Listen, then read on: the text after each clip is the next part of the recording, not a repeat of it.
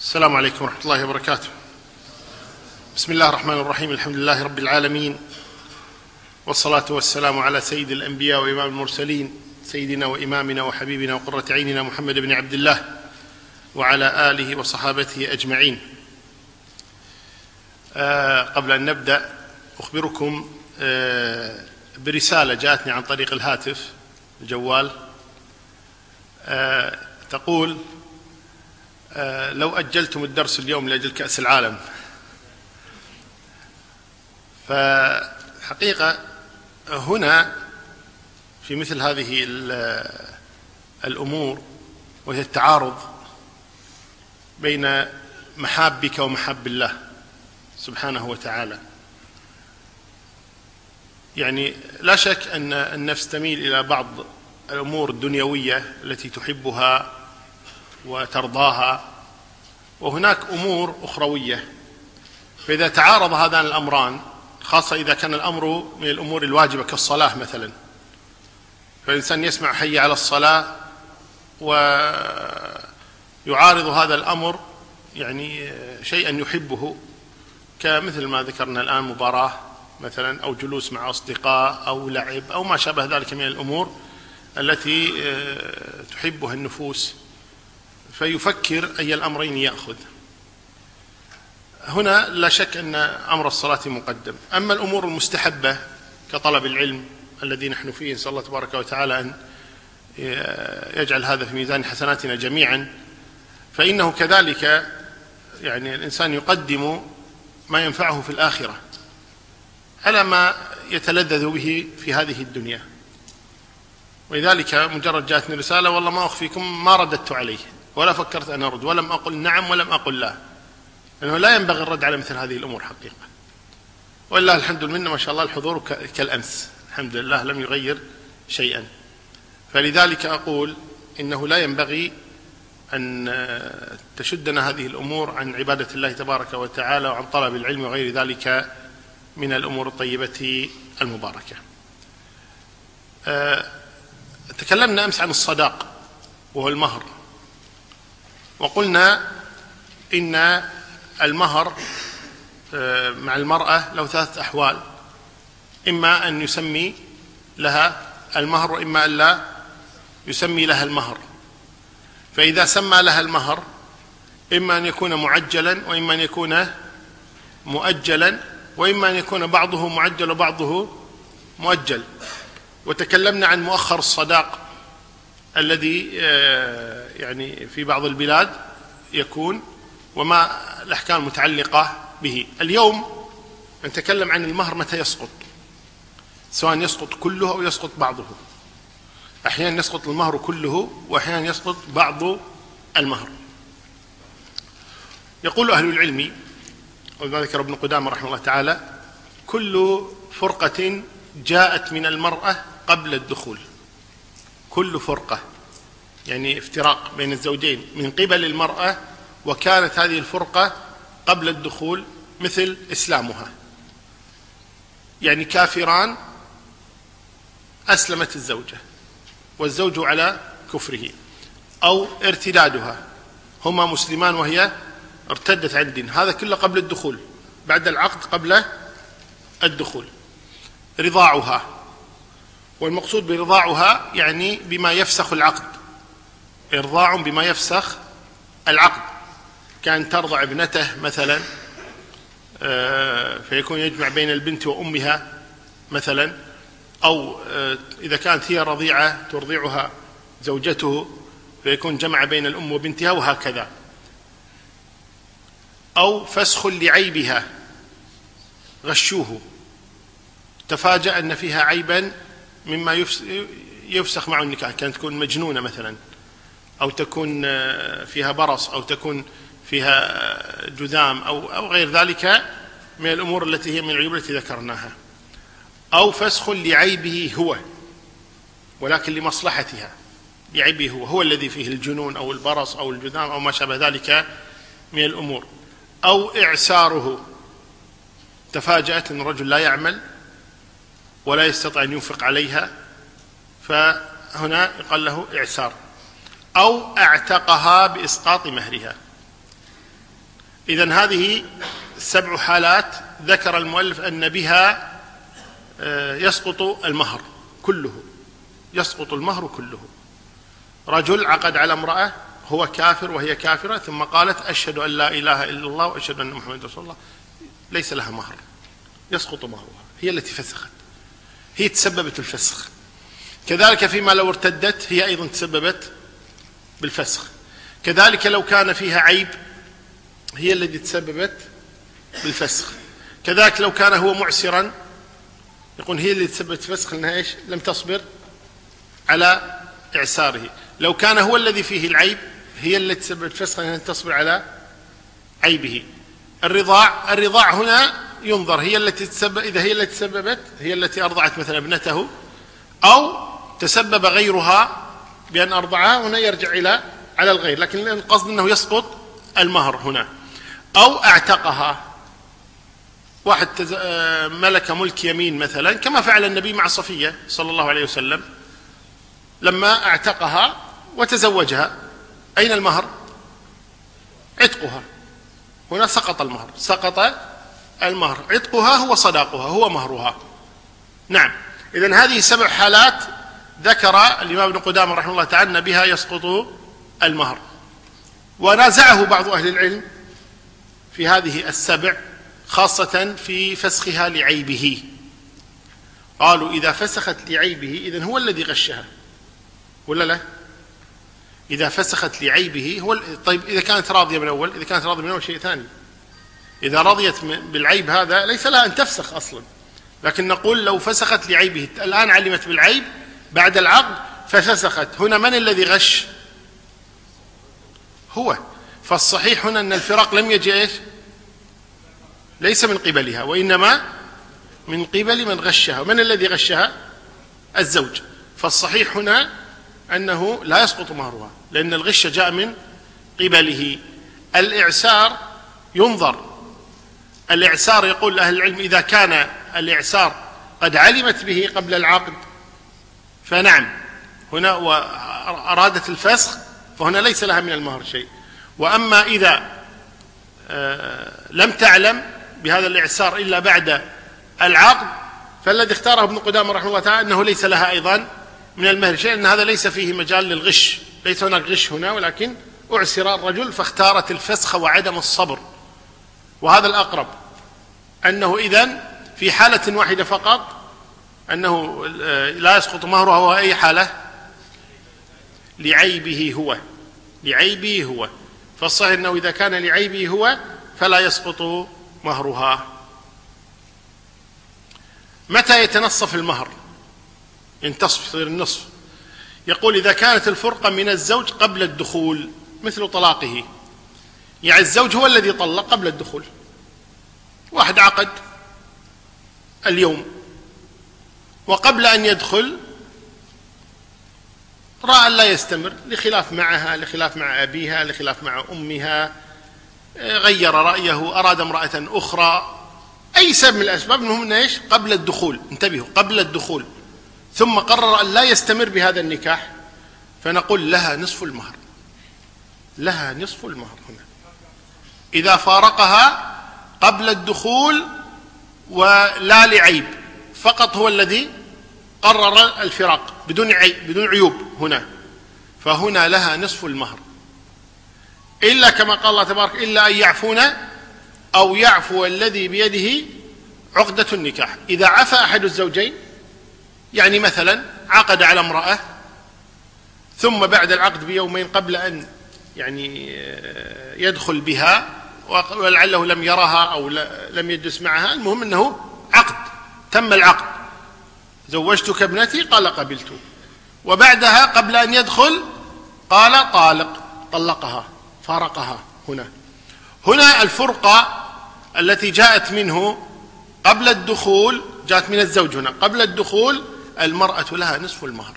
فلو قال ولي المرأة أو المرأة قال للزوج عسى ما شر قال أبدا حس انقباضا أشعر بانقباض في نفسي ما أجد في نفسي راحة. قال باخذ مهرك كله. هذا إيش؟ عفو. وقد يكون هذا العفو ممن من؟ الزوج. يعني الزوج طلق بدون آه، أن يدخل طلق. ثم أهل المرأة قال عسى ما شر قال أبدا أجد انقباضا. قالوا خير إن شاء الله. أخذوا نصف المهر وأرسلوه إليه. قال هذا الشرع حكم بأن لها نصف المهر ولكن قال لا المهر كله لكم. وبارك الله لكم وسامحوني. هنا من الذي عفى الزوج. فقول الله تبارك وتعالى إلا أن يعفون أو يعفو الذي بيده عقدة النكاح. بعض أهل قال يعفون الأزواج أو الذي بيده عقدة النكاح اللي هو الولي وبعضهم قال يعفون النساء أو الذي بيده عقدة الزواج الزوج.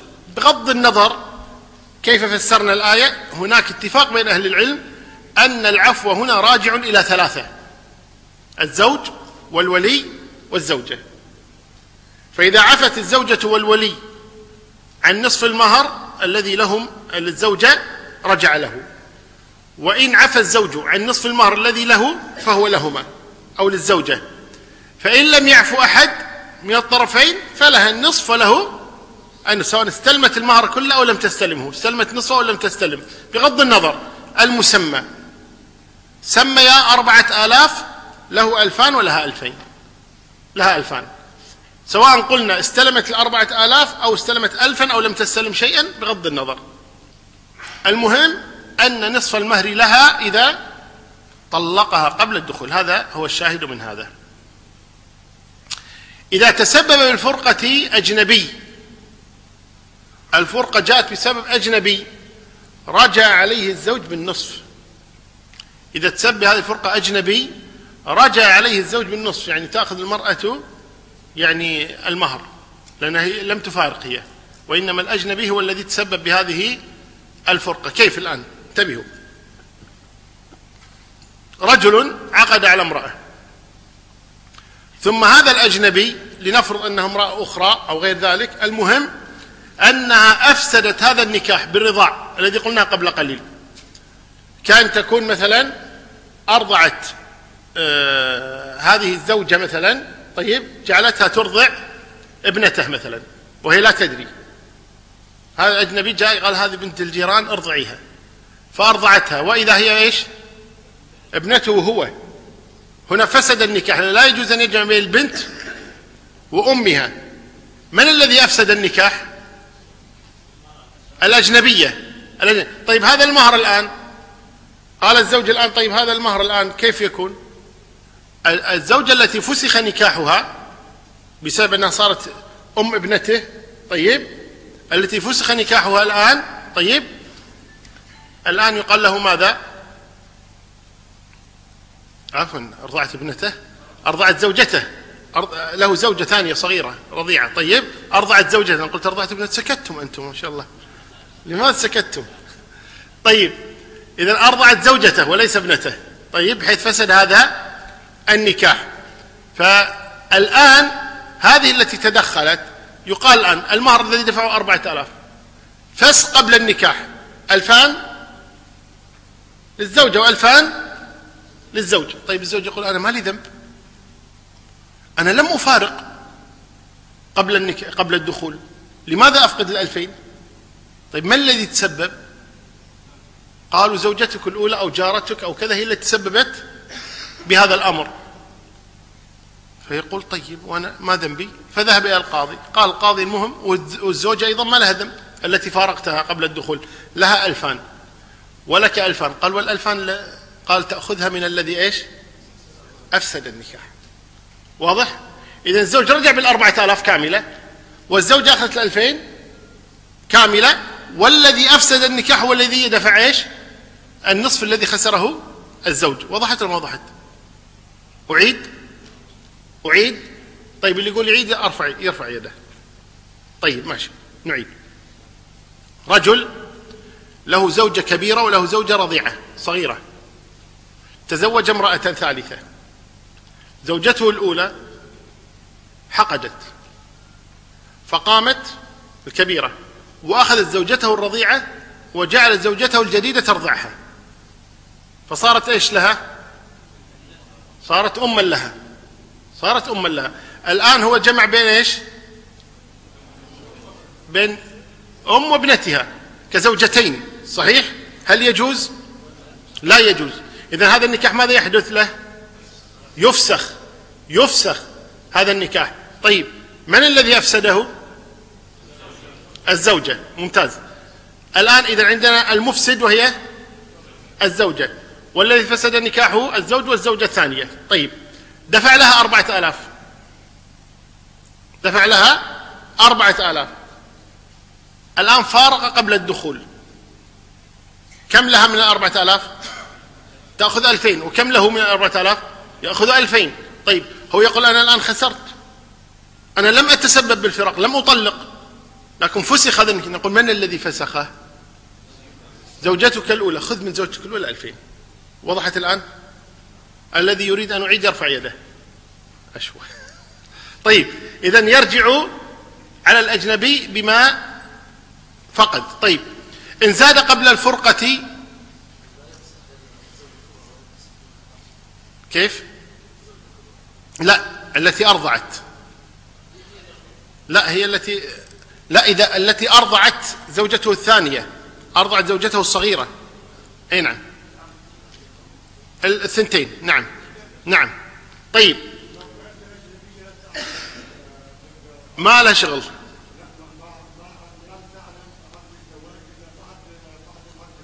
ما يضر. هذا يفسخ. ما تعلم؟ التي تسببت لا تعلم؟ خلاص هذه القاضي يفصل فيها. القاضي يفصل فيها إن شاء الله تعالى. طيب إن زاد قبل الفرقة زيادة منفصلة. انتبهوا. انتبهوا. ما اسمك؟ إيه؟ محمد؟ طيب. محمد الآن عقد على خيرية. خلاص؟ لا يكون اسم زوجتك خيرية بس. زين. محمد عقد على خيرية الآن. طيب. وأمهرها مئة رأس من الغنم. ولا جاموس تبي أي أحسن؟ ما عندكم غنم؟ إيش عندكم؟ جواميس. يلا جاموسة. أمهرها خمسين جاموسة. ماشي؟ ولا كثير؟ تستاهل ترى خيرية تستاهل. أمهرها خمسين جاموسة. طيب؟ ثم قال مع السلامة أنا مسافر. كيف مسافر؟ والدخلة. قال إن شاء الله لما أرجع أدخل. أنا مسافر يومين ولما أرجع إن شاء الله أدخل. عقد وسافر. اليومين صارت سنتين. تأخر في السفر. ما رجع. والآن هو إيش؟ لم يدخل. لم يدخل. واضح؟ نعم. بعد ذلك بعد سنتين ثلاث رجع. محمد إلى البلد ف شاف خيرية. قالت له وينك يا محمد؟ قال أنت خيرية. قالت أنا خيرية. قال طالق. بسم الله الرحمن الرحيم. ليش؟ قال لقيت واحدة أحسن منك وتزوجت زين في الكويت. عرفت شلون؟ وانتهى الأمر الآن. تزوج الآن محمد وطلق خيرية الآن. طلقها قبل الدخول ولا بعد الدخول؟ قبل الدخول. الآن قبل الدخول. طيب والجواميس؟ الآن. ملة. المفروض النصف بالنص ولا لا؟ إذا طلق إذا يأخذ 25 وتأخذ هي 25 هذا الأصل. طيب الجواميس هذه ولدت. واضح؟ الخمسين صارت خمسة وخمسين أو صارت ستين. هي الجاموسة كل سنة تولد؟ ولا؟ ها؟ كل سنة. طيب والجواميس اللي عندك كلها ذكور ولا ذكور وإناث؟ ذكر الجاموس إيش يقال له؟ عجل لا العجل صغير. لا خلينا نسأل أهل الشأن. ها؟ يسمونه الفحل في مصر؟ طيب الآن نفرض أن الجواميس اللي عندك عشر فحول وأربعين جاموسة. ولدت من الأربعين ثلاثون أو عشرون. المهم الخمسون صارت ستين. طيب الآن يريد أن يرجع بمهره محمد. هل نقول له الآن صارت ستين يا محمد بعد سفرك؟ قال طيب خلاص أعطوني ثلاثين. قالت له خيرية لا ما تأخذ ثلاثين. أنت أعطيتني خمسين تأخذ خمسة وعشرين. قال طيب زادت. قالت من اللي قاعد يعلفها؟ من يعلفها؟ من يعتني بها؟ أنا استلمتها منك صارت ملكي. صح ولا لا؟ خلال هاتين السنتين أنا الذي أنا التي أعتني بها. المهم أنها في ملكي. صح؟ إذا الزيادة لمن؟ لها. الزيادة لها. إذا ليس لمحمد أن يأخذ إلا كم؟ خمسة وعشرين. حتى لو الخمسين صارت سبعين لو صارت مئة. لو فرضنا محمد تأخر أربع سنوات مثلا. وهذه الخمسين صارت مئة مثلا أو أكثر لا يأخذ إلا نصف ما دفع. نعم؟ له نصف ما دفع. هذه إذا كانت الزيادة منفصلة. إذا كانت الزيادة منفصلة فيأخذ نصف ما دفع. واضح إن شاء الله تعالى؟ نعم. طيب. إن زاد قبل الفرقة زيادة متصلة. هي كانت عجول صارت جواميس. طيب. كانت صغيرة صارت كبيرة الآن. تغير السعر لما يتغير السعر؟ يتغير السعر. يعني هذا العجل اللي كان عمره سنة يمكن يباع بكم قيمته العجل؟ ثلاثة آلاف جنيه. والبقر الجاموس الكبيرة؟ سبعة ثمانية. طيب إذا هذا العجل صار كبره. هذه يسمونها زيادة إيش؟ زيادة متصلة. زيادة متصلة. لا يمكن قطع نصفين الآن هنا. فإذا زاد زيادة متصلة إما أن تأخذها الزوجة تخير الزوجة قال إيش تريدين؟ تريدين أن تأخذي الجواميس الآن لك لكن تدفعين نصف الزيادة نصف قيمة الزيادة. الآن هي قيمتها في الأصل كم؟ ثلاثة؟ آلاف. الآن صارت في سبعة. إذا زيادة كم؟ أربعة آلاف. تدفعين عن كل جاموسة إيش؟ ألفين. نصف الزيادة. زيادة نصفها لك ونصفها له. واضح ولا لا؟ أو تدفعين نصف قيمتها يوم العقد. نصف قيمتها يوم العقد لأن نعتبرها كأنها مال. نحولها إلى مال ونقول كم قيمتها عند العقد؟ مثلا خمسين جاموسة قلت بثلاثة ألاف. ثلاثة ألاف من خمسين كم؟ ها؟ خمسة عشر ألف. طيب خمسة عشر ألف جنيه؟ خمسة عشر ألف معقولة؟ مية وخمسين ألف. مية وخمسين ألف جنيه كان مهر خيرية. طيب الآن هذه المية وخمسين ألف جنيه عبارة عن جواميس. نقول لخيرية الآن هل تريدين تدفعين له نصف مئة وخمسين ألف جنيه؟ نعب نعتبر هذه الجواميس مالا يوم العقد وهي مئة وخمسين ألف جنيه ترجعين له كم؟ خمسة وسبعين ألف جنيه. أو تأخذينها لك طيب الآن وتنظرين إلى الزيادة كم؟ كم الزيادة؟ تدفعين له نصف الزيادة. أيهما أربح لها؟ نصف قيمتها عند العقد مخيرة في هذا. مخيرة في هذا. ليس على كل حال قد تكون زيادة قد تكون هناك نقص لكن على كل حال تخير المرأة هنا. لأن الفرقة جاءت من قبل من قبل الرجل من قبل الزوج. دفع نصفها؟ إي يعني تعطيه نصف قيمة الجواميس اللي هو قلنا ثلاثة آلاف والزيادة كم؟ تعطيه نصف الزيادة بعد. يعني يصير مشترك بينه وبينها. نص بالنص. نص نصها كامل مع الزيادة. تدفع نصفها وتدفع نصف الزيادة. أعيد. تقريبا نصف القيمة الحالية. نصف قيمتها يوم يوم اشترتها ونصف الزيادة كذلك إلا إذا أردت أن تأخذها. طيب. وإن نقصت يعني قيمتها خيرت أيضا بين أمرين. أخذ نصفها ناقصا وإما أخذ نصف قيمتها يوم العقد. يعني القصد أن الشرع جاء هنا إيش مع المرأة. لماذا؟ لأن الفرقة جاءت من قبل من قبل الرجل فجاءت مع المرأة هنا. طيب إن تلفت ماتت. هذه الجواميس فلها نصف قيمتها يوم العقد. إن تلفت هذه الجواميس فلها نصف قيمتها يوم العقد. طبعا تلفت بغير سببها هي. إذا هي التي أتلفتها خلاص لكن إذا تلفت لوحدها فلها نصف القيمة وله نصف القيمة. نعم. لا يوم العقد. يوم العقد. إذا دخل الرجل بزوجته استقر لها المهر كاملا. إذا دخل بزوجته استقر لها المهر كاملا. لكن الإشكالية عندنا إيش؟ إشكالية في الوطء. في الوطء.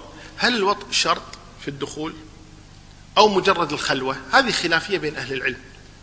بعض أهل العلم قال الدخول الذي يتنصف به المهر آه الذي يتنصف المهر بعدمه طيب الدخول هو الجماع.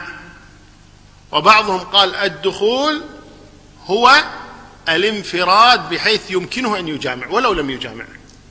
طالما انه يمكنه أن يجامعها بحيث ارخى الستر كما يقول أهل العلم يعني كان معها في مكان يمكنه أن يجامعها طيب لكن هو لم يفعل يعتبرونه جماعا.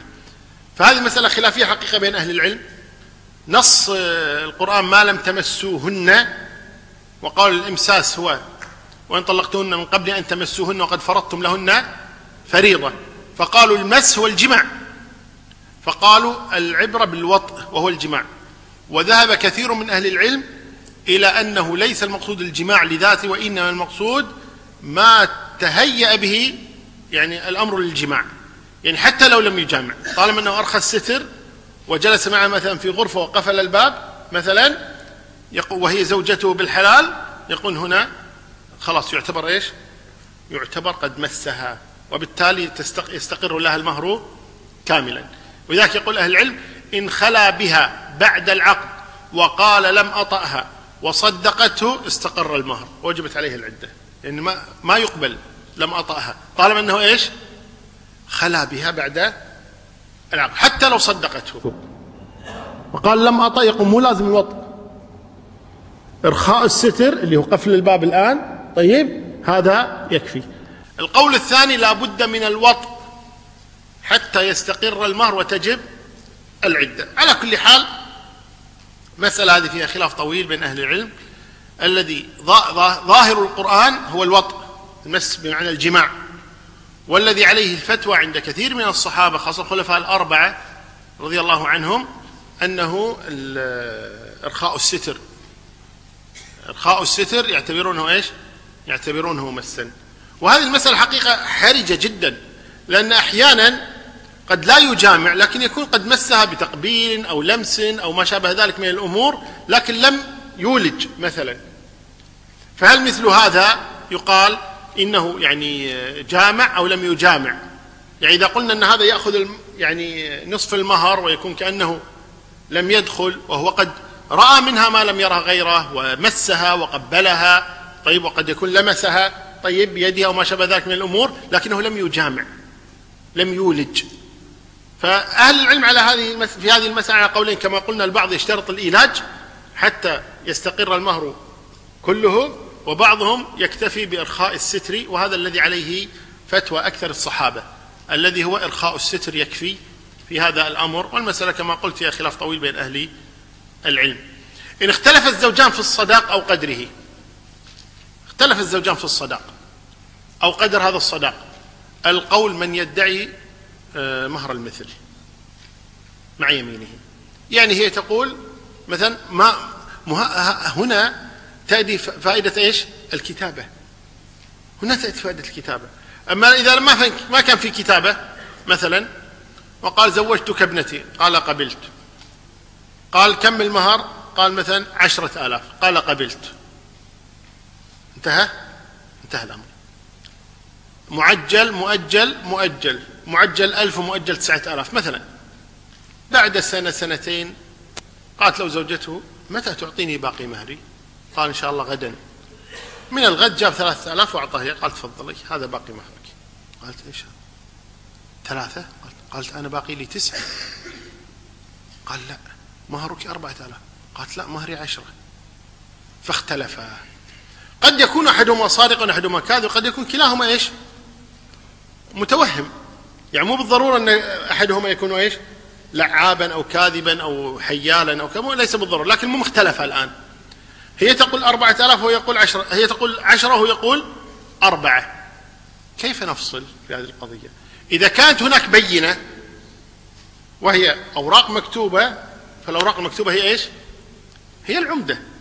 إذا لم تكن ثمة أوراق فينظر إذا كان هناك شهود. فيؤتى بالشهود يقال لهم كم المهر؟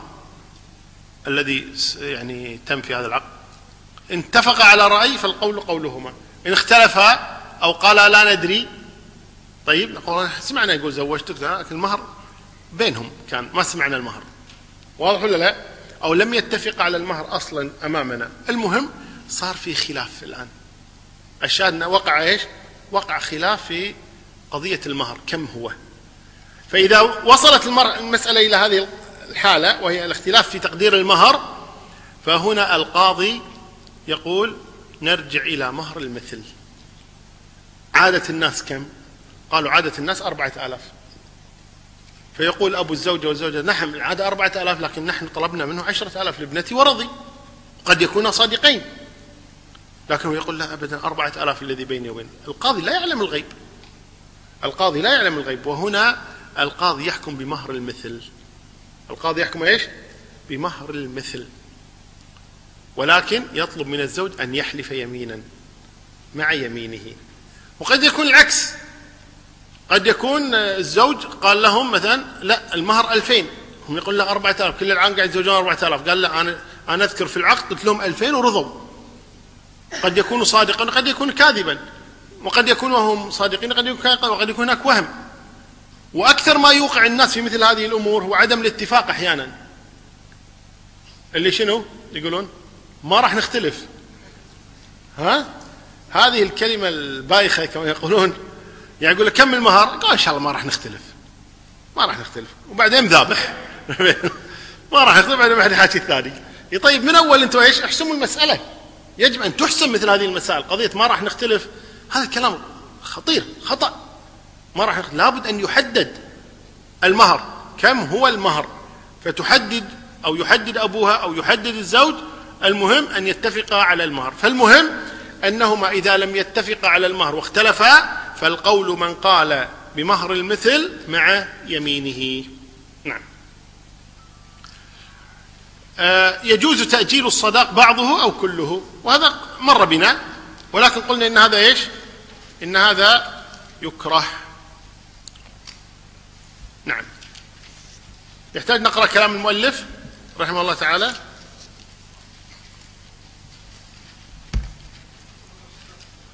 نفس اللي قلناه. نعم. ماشي. ندخل في عشرة النساء. أي كيف تكون العشرة بين الزوجين؟ الأصل في العشرة أن تكون بالمعروف كما قال الله تبارك وتعالى وعاشروهن بالمعروف. ومقصود المعروف يعني ما تعارف عليه الناس من الإحسان والبر. ما تعارف عليه الناس من الإحسان والبر. الزوج له حقوق والزوجة لها حقوق. أما حقوق الزوج فتتمثل في أن تسلمه نفسها إذا أرادها يعني لتعفه فهذا من حقه عليها. كذلك أن تطيعه بالمعروف. أن تطيعه بالمعروف هذا من حق الزوج على زوجته أن تطيعه بالمعروف. آه، حق الزوجة على زوجها أولا النفقة أن ينفق عليها كذلك الكسوة أن يكسوها وكذلك المسكن بالمعروف كذلك المسكن يعني شيء يليق بها.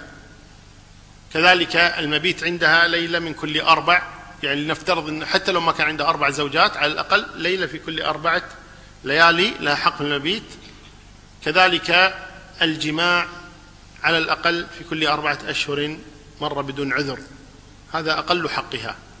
فهذا حق الزوجة على زوجها وهذا حق الزوج على زوجته. والأصل في معاشرة الزوجين أن تكون بالمعروف. هذا هو الأصل.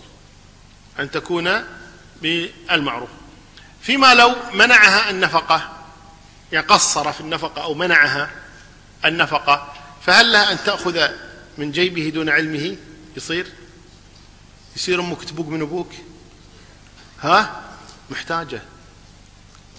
أبوك بخيل ما يندي. ها يجوز؟ أنتم محتاجين. كلش ظاهر تحب أبوك أنت أكثر من أمك. ها؟ اثنينهم طيب إذا قصر الرجل في النفقة إذا قصر الرجل في النفقة فهل تأخذ منه بالمعروف؟ نعم. جاءت هند بنت عتبة إلى النبي صلى الله عليه وسلم فقالت يا رسول الله إن أبا سفيان رجل مسيك. مسيك يعني إيش؟ يعني لا يخرج المال براحة يعني شيء من البخل أو الحرص على المال. فقالت إن أبا سفيان رجل مسيك. فهل يجوز لي أن أخذ منه لي ولولدي لي ولولدي هل يجوز أن أخذ؟ فقال النبي صلى الله عليه وسلم خذي ما يكفيك وولدك بالمعروف. خذي ما يكفيك وولدك. إذا يجوز. طلع يجوز. إذا يجوز أن يأخذ أو أن تأخذ المرأة من زوجها دون علمه. لكن هذا متى؟ إذا قصر. إذا قصر في النفقة إذا كان لا يعطيها حقها فلها أن تأخذ منه بالمعروف. لها أن تأخذ ها؟ أبد تقصير الحاجة. محتاجون وعنده ما يبي يعطيه مسيك بخيل. فهنا لها أن تأخذ منه بالمعروف إذا كان لا يعطيها وولدها. فلها أن تأخذ منه. إن منعها أبد ما رضى يعطيها. وتأخذ من مخباتها مخبات دائما فاضية. عند تجوري ويقفل عليه حريص. ما تستطيع أن تنال من جيبه شيئا. أو أعسر. كان موظف فصل من عمله. كان عنده تجارة وخسرت تجارته. كان عنده مال مزرعة حديقة يكون احترقت. المهم أنه أعسر. الرجل أعسر. فاختارت الفراق. قالت والله ما أستطيع أن أبقى معه. لماذا؟ ما يستطيع أن ينفق علينا. هو طيب طيب وحبيب وكذا بس ما يستطيع ينفق علينا. وأنا من حقي أن ينفق علي فلها أن تفارقه. يفرق بينهما القاضي لإعساره. ما ذكرنا إحنا سبب الفرقه إذا كانت من قبل المرأة وقلنا إذا كان إيش؟ الاعسار نعم. فإذا أعسر الرجل فللمرأة الحق أن تفارقه أن تفارقه لإعساره. ولكن لا شك أن الأفضل والأكمل أن المرأة تصبر على إعساره وتساعده وتعينه. هذا أنت تتكلم عن أفضل لكن تتكلم عن قضايا شرعية قضائية. يعني لو جاءت المرأة للقاضي وقالت له زوجي ما يستطيع أن ينفق علي أريد الفرقة. القاضي هنا يقول لها مثلا اتق الله هذا زوجك هذا كذا هذا كذا. جاءت له يا قاضي ما بنصايح زين عطني الشرع. ما أبي زين. أنت تقول زوجها ودك بيتنا يستقر؟ قال ادفع لنا شهريا 100 دينار. يلا يا قاضي. قال أنا مالي شغل. خلاص اسكت لا تدخل. احكم لي الآن. هو ما يستطيع أن ينفق علي ولا أستطيع أن أصبر. شو الحكم عندك؟ قال لا طلقها خلاص يلتفت إلى القاضي طلقها خلاص. هذه نسرة وما أقدر عليها. عرفت شلون؟ ما أقدر عليها. فاهمة بالقانون فاهم بالشريعة ما أستطيع عليها. فهنا يفرق بينهما القاضي لإعساره. يفرق بينهما القاضي لإعساره هنا هنا مسألة هنا مسألة اختلف فيها أهل العلم. أه تسامحوننا في عرضها. وهي قضية هل يجب على المرأة أن تخدم الرجل في بيته؟ هل يجب عليها أن تخدمه في بيته؟ يعني قلنا حق الزوج قلنا إيش تو الطاعة بالمعروف وتطيعه يعني في الفراش إذا طلبها. طيب باقي الأشياء. تنظف البيت تطبخ له تغسل ملابسه آه بعد؟ تكوي ملابسه بعد؟ الإرضاع. ها؟ تدليك؟ أوه. زين. طيب المهم هل على الزوجة أن تخدم زوجها أو ليس له ليس عليها ذلك؟ ها؟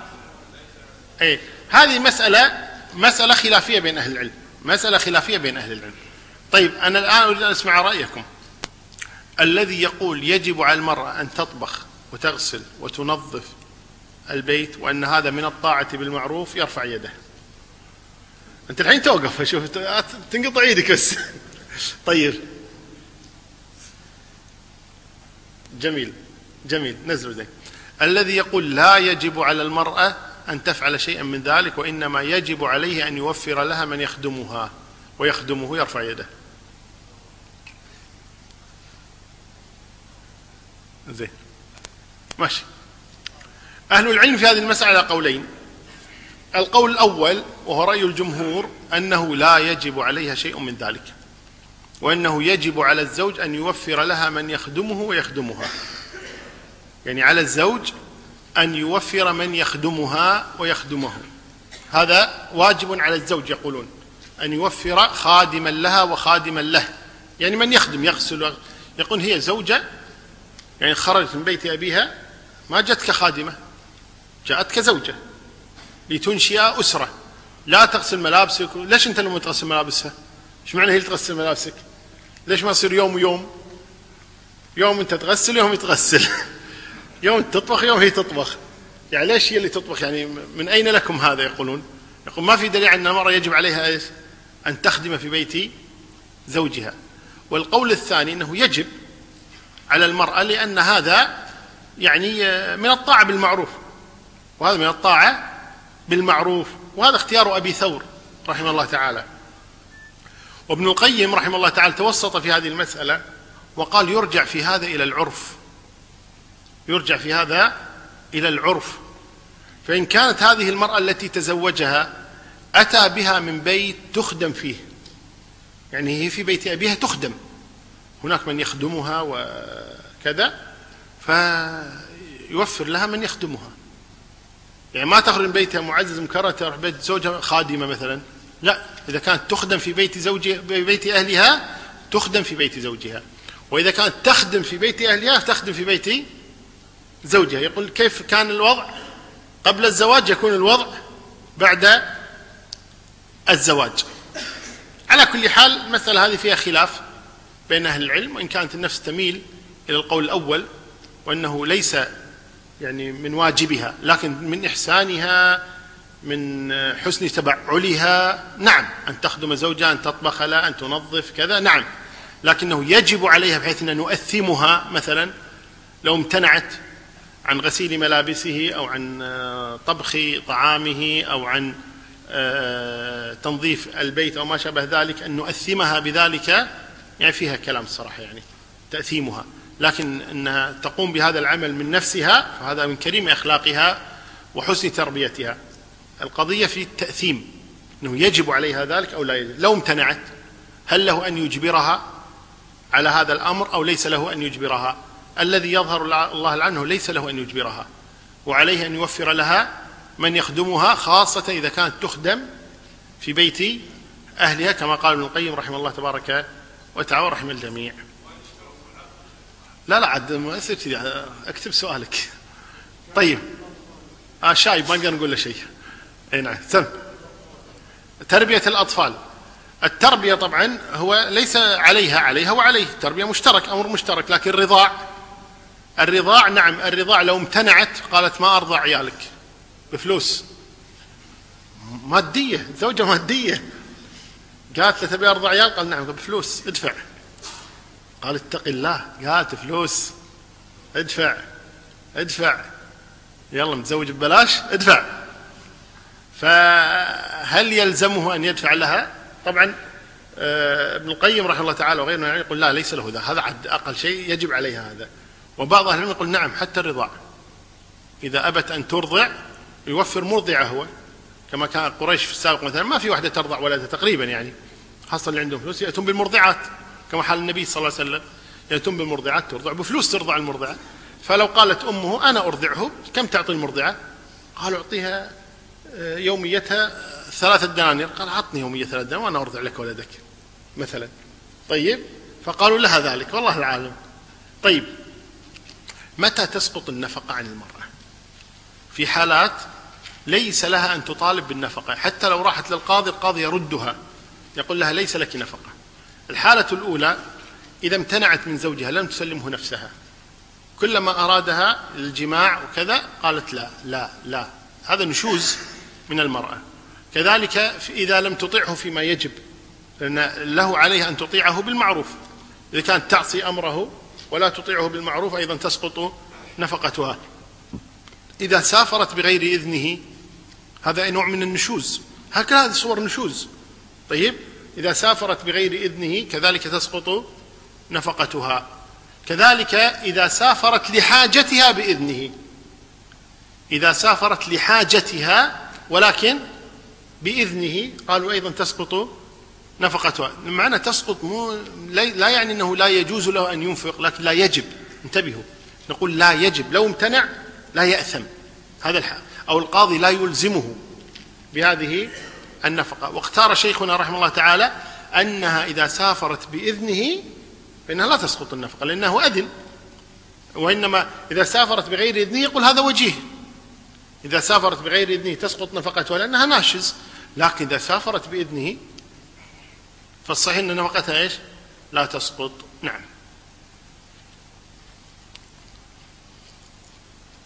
بعد ذلك ندخل في موضوع الإيلاء ونختم به إن شاء الله تعالى. قال سبحانه وتعالى للذين يؤلون من نسائهم تربص أربعة أشهر. فإن فاءوا فإن الله غفور رحيم وإن عزموا الطلاق فإن الله سميع عليم. للذين يؤلون من نسائهم. الإيلاء هو أن يحلف الرجل أنه لا يأتي زوجته. هذا الإيلاء. أو يمتنع من إتيانها بشكل عام. ما يجامعها. يعتزلها. فإذا اعتزل الرجل زوجته طيب أو حلف أن لا يأتي زوجته فله ذلك. والنبي صلى الله عليه وسلم آلى من نسائه شهرا. صلى الله عليه وسلم. وهذا نوع من التأديب. حق أعطاه الله لك. أحيانا الإنسان يريد أن يؤدب زوجته مثلا؟ فيقول لها مثلا والله لن آتيك لمدة شهر. لن آتيك عشرين يوم. لن تأدبين مثلا. ما تسمع كلامه مثلا تخرج بغير إذنه أه تكلمه بنفس أه خايسة أي أي شيء يعني. المهم أنها فيها سوء فيريد أن يؤدبها. فيولي منها. يقول سواء حلف أو لم يحلف. هذا يقال له إيلاء. إيلاء أن لا يأتي زوجته. الإيلاء أن لا يأتي زوجته. طيب.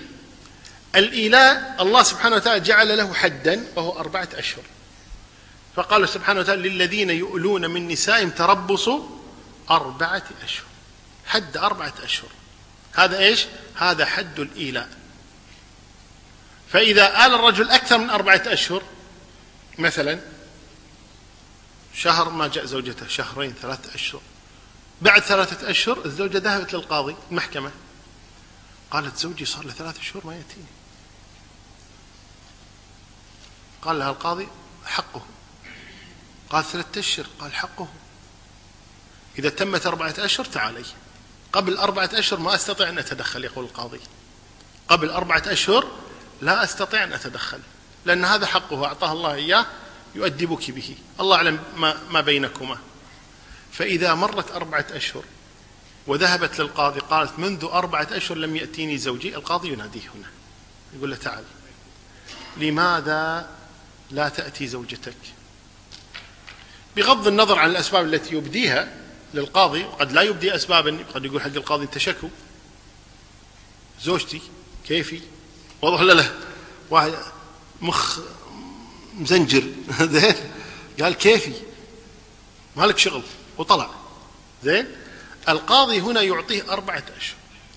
قد يقول قائل إذا الزوجة سكتت ورضيت لو عشر سنوات ما في مشكلة هنا.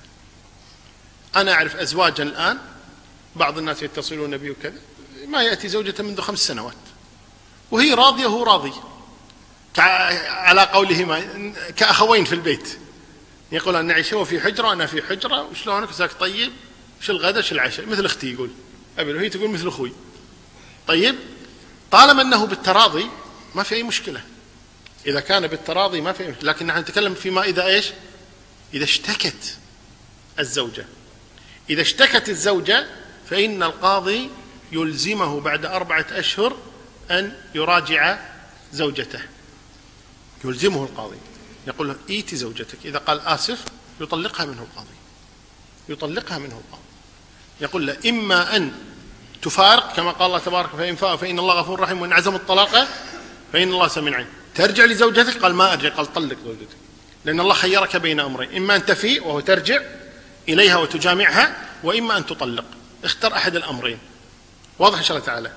إذا يخير الرجل بين الاستمرار وإتيانها وبين الطلاق. هذا إذا لم ترضى الزوجة.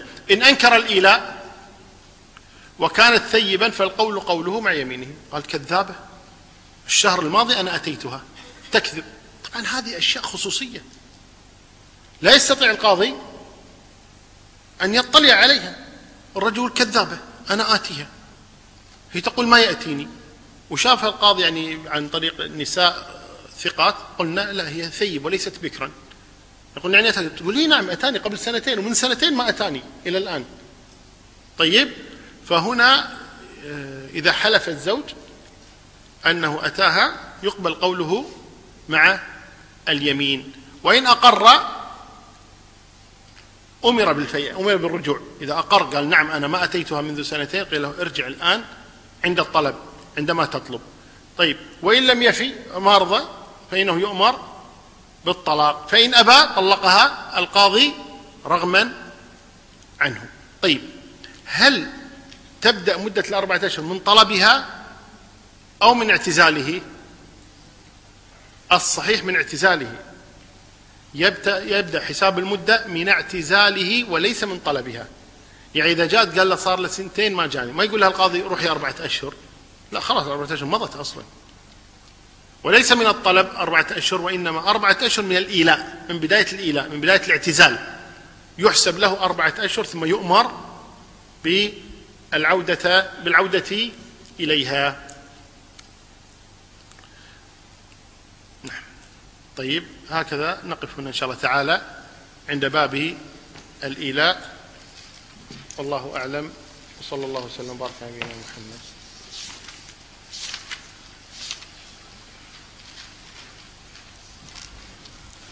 الأسئلة.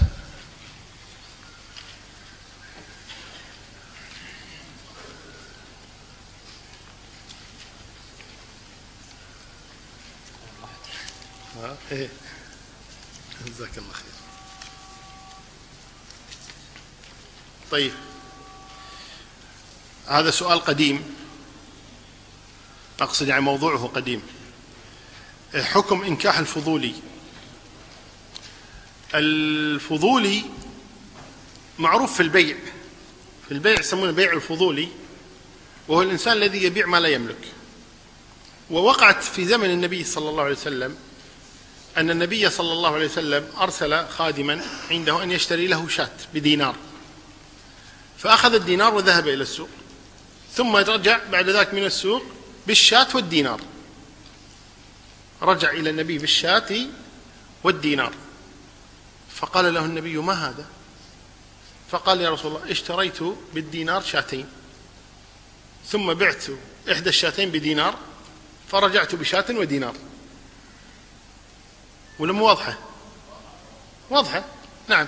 يعني حصل بائع يبيع شاتين بدينار اشتراهما ثم باع إحدى الشاتين بدينار هو أيضا فرجع بالشاة والدينار.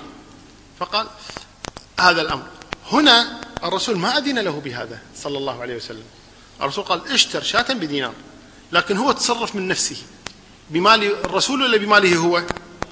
بمال الرسول بمال غيره. فاشترى به شاتين ثم باع واشترى. واضح ولا لا؟ ماشي؟ فهذا يسمونه التصرف الفضولي. الفضولي وهو الذي يتصرف فيما لا يملك. فهذا الرجل لما تصرف هذا التصرف تصرف في مال غيره وهو الرسول صلى الله عليه وسلم. فهل تصرفه هذا صحيح أو غير صحيح؟ هل يقبل هذا التصرف منه؟ أو لا يقبل. بعض أهل العلم قال لا يصح بيع الفضولي لا يصح لأن باع ما لا يملك أصلا. يعني مثل الآن أنا أخذ سيارة آه، منير أقول له تسمح لي عندي مشوار وسيارتي خربانة أو شيء يعطيني سيارة أروح أبيعها. سيارته مثلا. طيب خاصة في السابق ما في دفتر سيارة ولا شيء ولا كذا وأروح أبيع سيارته. جيت تفضل هاي 3000 شنو 3000 شنو قلت والله لقيت لك خوش بيع حق ساعة. ساعه ما تسوى 2000 والله. وبعت لك بثلاثة. إيش تبي بعد؟ يلا احمد ربك. يلا روح. واضح ولا لا؟ تصرفي هذا تصرف إيش؟ فضولي. طيب هل يصح هذا البيع؟ وهو مالك السيارة؟ بعض أهل العلم قال لا يصح البيع. لأن هذا باع ما لا وبعض أهل العلم قال لا يصح إذا رضي. يعني علقه على إيش؟ على رضا المالك الأصلي. وضحت الصورة؟ هذا يسمونه بيع الفضولي وبالكويت نسميه بيع الملقوف. ها؟ طيب لأنه باع ما لا يملك. طيب الآن هذا هل يصح في النكاح؟ جاء إنسان فضولي. ما اسمك علي. الآن علي شاف واحد وزوجته واحد ووحدة مثلا. إيش عندكم؟ قال والله بتزوجها وابوها مو راضي. قال عفا عليك. أنا ولي من لا ولي له. طيب. فرح ونادوا المأذون. زين. العاقد وقال يلا زوجتك. شو اسمك أنت؟ زوجها. ما يعرف اسمه حتى. شو اسمك؟ قال اسمي محمد. وأنت شو اسمك؟ قالت بنته يعني الحين هذه ها؟ قالت اسمي نورة. قال عند القاضي المليك. قال زوجت نوره من محمد. قبلت يا محمد؟ قبلت. يلا تأمرون شيء؟ مع السلامة. وراح بحال سبيله. هاي يسمونه شنو؟ فضولي. إنكاح الفضولي. هل يصح إنكاح الفضولي أو لا يصح؟ بعض أهل العلم قال يصح إنكاح الفضولي قياسا على بيع الفضولي. كما أن بيع الفضولي يصح كذلك إنكاح الفضولي يصح. ولكن يتوقف على إيش؟ اذن الولي. اذن الولي. واضح؟ طيب الولي ما علم. إلا بعد مدة بعد سنتين بعد ثلاث سنوات بعد العيال. يعني هي واحدة تدرس بالجامعة مع زميلها. قال لها إيش رايك أنت تزوج؟ قالت خاف أبوي ما يرضى. قال عفا عليك. علي موجود؟ طيب. اتصلوا على علي. علي تعال تفضل. عندنا زواج. افا ابشروا بس أنا مشغول اليوم عندي خمس زيجات باكر إن شاء الله. راح علي وزوجها. طيب؟ وبعد ذلك عاشرها معاشرة الأزواج وأبوها ما يدري. وظلت هكذا مدة مع الرجل وحملت منه طيب؟ أبوها صدم. شنو هذا الحمل؟ سفاح؟ قالت لا لا لا متزوجة. شو أنا أبوك. قالت زوجني علي. يا لي علي. قالت علي أشهر من نار على علم بالكويت. معروف. طيب فالمهم هذا النكاح هل يصح أو لا يصح؟ تزويج الفضولي بعض أهل العلم يقول يصح تزويج الفضول لكن يتوقف على إذن الولي. طيب لو الولي الآن بعد ثلاث سنوات من الزواج أو أربعة أو أقل أو أكثر قال لا. قال لا ما ما أرضى. قال يفسخ النكاح. يفسخ النكاح. طيب والأولاد؟ إذا عندهم أولاد؟ قالوا ينسبون له. وينسبون لها ما في مشكلة. أولادها وأولاده لكن النكاح مثل فسخ نكاح لعدم إذن الولي. طيب لماذا فتح هذا الباب أصلا؟ لماذا يفتح مثل هذا الباب؟ والصحيح أنه لا يجوز. نعم لا يجوز لأن هذا يفتح باب شر. يعني غدا واحد يتفق مع واحدة ويقول لا أنا وليك. مو قلنا ابن العم يكون وليا لابنة عمه إذا كان أبوها ميت وأخوها وأخوته لا لا. صار هو وليها يكون هو الولي وهو الزوج ممكن؟ نعم. باكر كل واحد يتعرف له على وحدة يقولها يلا أنا وليك وأنا زوجك. فيكون وليا وزوجا في الوقت ذاته وتصير فوضى. لا منتهى لها. فالصحيح أنه لا يجوز تزويج غير الولي خاصة إذا قلنا إن النبي صلى الله عليه وسلم جاء فيه نص عنه. قال لا نكاح إلا بولي. وقال أيما امرأة أنكحت نفسها فنكاحها باطل فنكاحها باطل فنكاحها باطل. فلا يمكن أن يقاس على بيع الفضولي هذا وبيع الفضول أصلا مختلف فيه. مختلف في صحته هل يصح بيع الفضول أو لا يصح. فكيف يقاس عليه بيع الأعراض؟ بهذه الطريقة. والصحيح أنه لا يجوز إنكاح الفضولي لا يصح إنكاح إلا الولي فقط. نعم. يقول هل الزواج من الصوفية أو الرافضة التي تشرك بالله من خلال التقرب إلى القبور وأصحابها محرم؟ وما الفرق آه، بينه وبين الزواج من يهودية أو نصرانية؟ الذي يقول أن الله ثالث ثلاثة أو عزير بن الله. هذه المسألة متوقفة على مسألة أخرى وهي هل هناك فرق في الإسلام ولا ليس هناك فرق؟ يعني عندما يقول النبي صلى الله عليه وسلم وستفترق أمتي إلى ثلاث وسبعين فرقة. ثلاث وسبعون فرقة هذه. هل هي ضمن دائرة الإسلام أو خارج دائرة الإسلام؟ إذا اتفقنا على هذه القضية نستطيع أن نتفق على هذا السؤال. هذه الفرق الصحيح أنها ضمن دائرة الإسلام ولكنها منحرفة. مثل إنسان منحرف بزنا أو سرقة أو رشوة أو عقوق أو كبيرة من الكبائر كذلك منحرف في العقيدة. لكنه ما زال ضمن دائرة الإسلام. يعني مسلم مبتدع. مسلم مبتدع. هناك مسلم سني وهناك مسلم مبتدع. والبدع كثيرة كما أخبر النبي صلى الله عليه وسلم ثنتان وسبعون فرقة. فرقة واحدة هي الفرقة الناجية التي هي على الحق وثنتان وسبعون فرقة هالكة أي ضالة وليست كافرة وإنما ضالة. لا يمكن أبدا أن نسوي بين ثنتين وسبعين فرقة مسلمة ضالة وبين اليهود والنصارى الذين هم كفار أصلا. هذا لا يجوز أصلا شرعا ولا عقلا أن نساوي بين اليهودي والمسلم الضال. هذا لا يجوز. إذن قضية اليهود والنصارى والمشركين بشكل عام لا يوجد تسوية بينهم وبين الفرق التي تنتسب إلى الإسلام ولكنها عندها إيش؟ انحراف عقدي. ثم ننظر إلى هذه الفرق وهي الثنتان وسبعون فرقة. آه، هناك فرق تدعي أنها من الإسلام وأهل الإسلام رفضوا ذلك. يعني مثل النصيرية مثلا أو الدروز أو البهائية أو القاديانية أو البابية أو غيرها من الفرق. هذه تدعي أنها من الإسلام وأهل الإسلام يرفضونها. يقول هذه ليست من الإسلام في شيء أصلا. طيب فهذه تخرج من 72 فرقة تدخل مع اليهود والنصارى. هناك فرق أخرى تنتسب إلى الإسلام كمثلا الماتوريدية والأشاعرة أو الخوارج أو الكلابية أو المعتزلة أو غيرها من الفرق زين الزيدية وكذا هذه الفرق تنتسب إلى الإسلام ووافق أهل الإسلام أنها منه. هناك بعض الفرق يختلف فيها أهل العلم لشدة انحرافها. صار الانحراف عندها إيش؟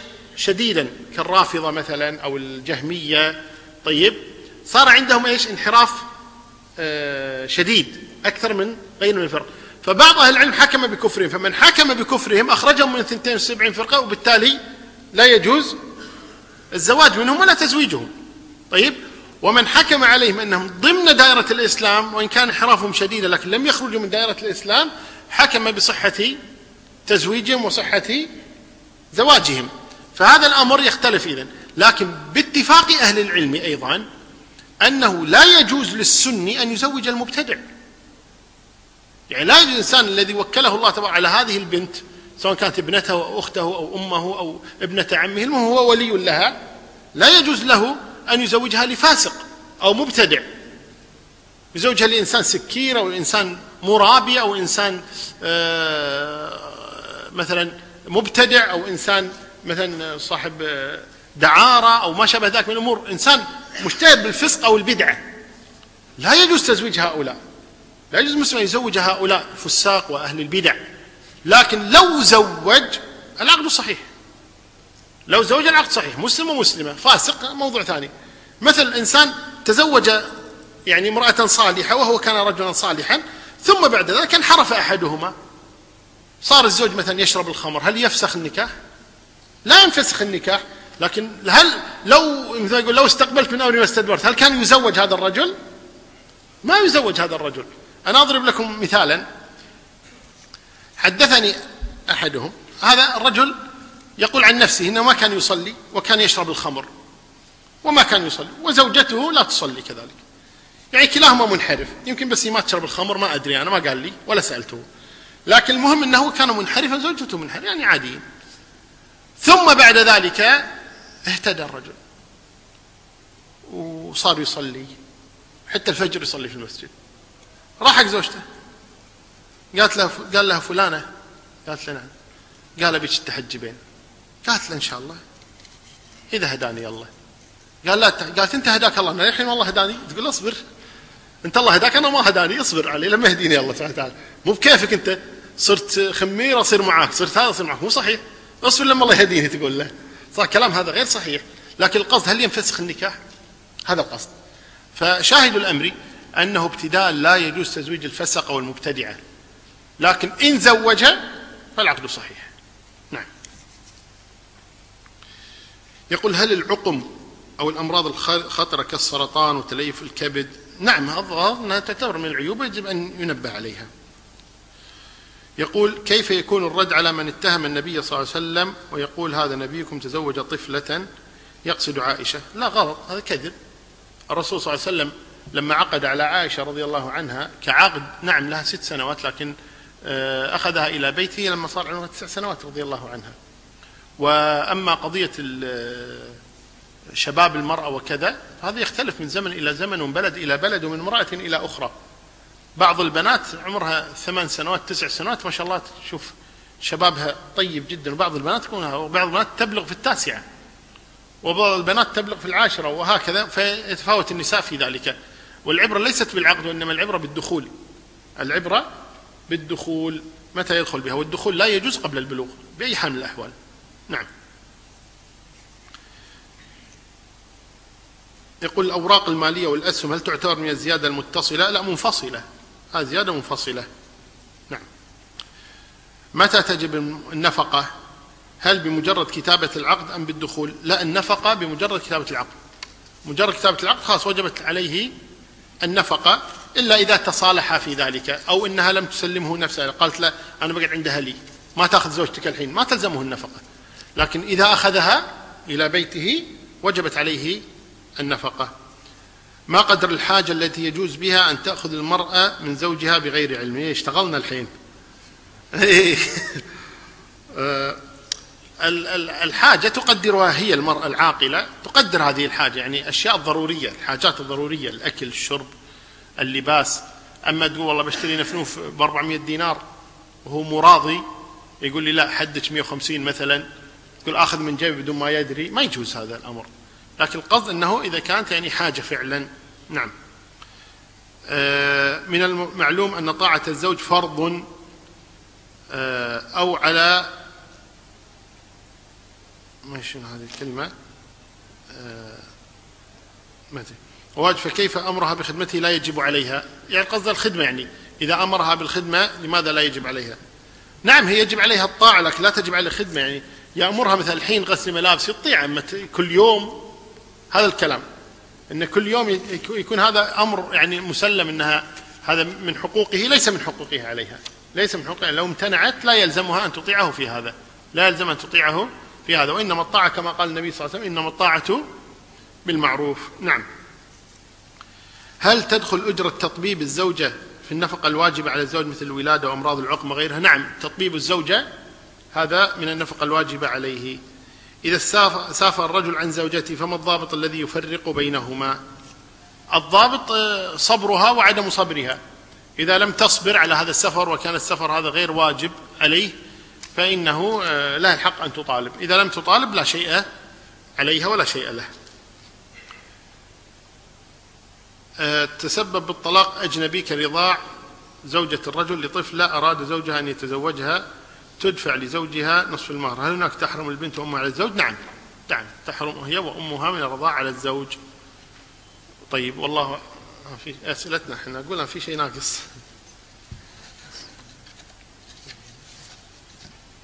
إيه إن شاء الله.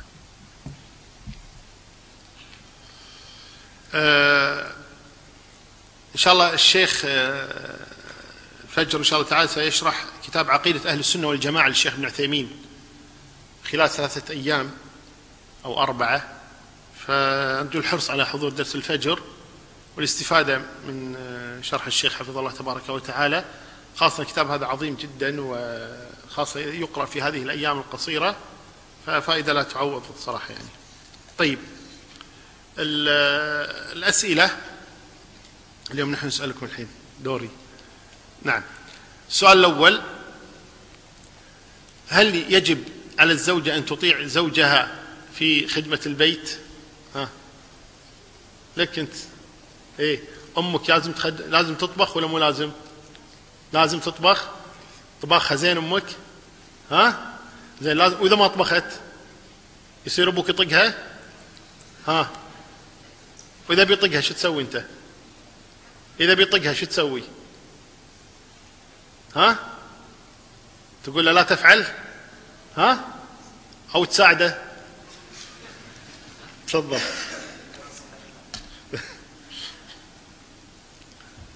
هذه هديتك. طيب من يجيب السؤال الثاني؟ أنت وين مرة جاوبت؟ ما ما صارت صح. يلا جاوب الحين. طيب متى تسقط النفقة عن المرأة؟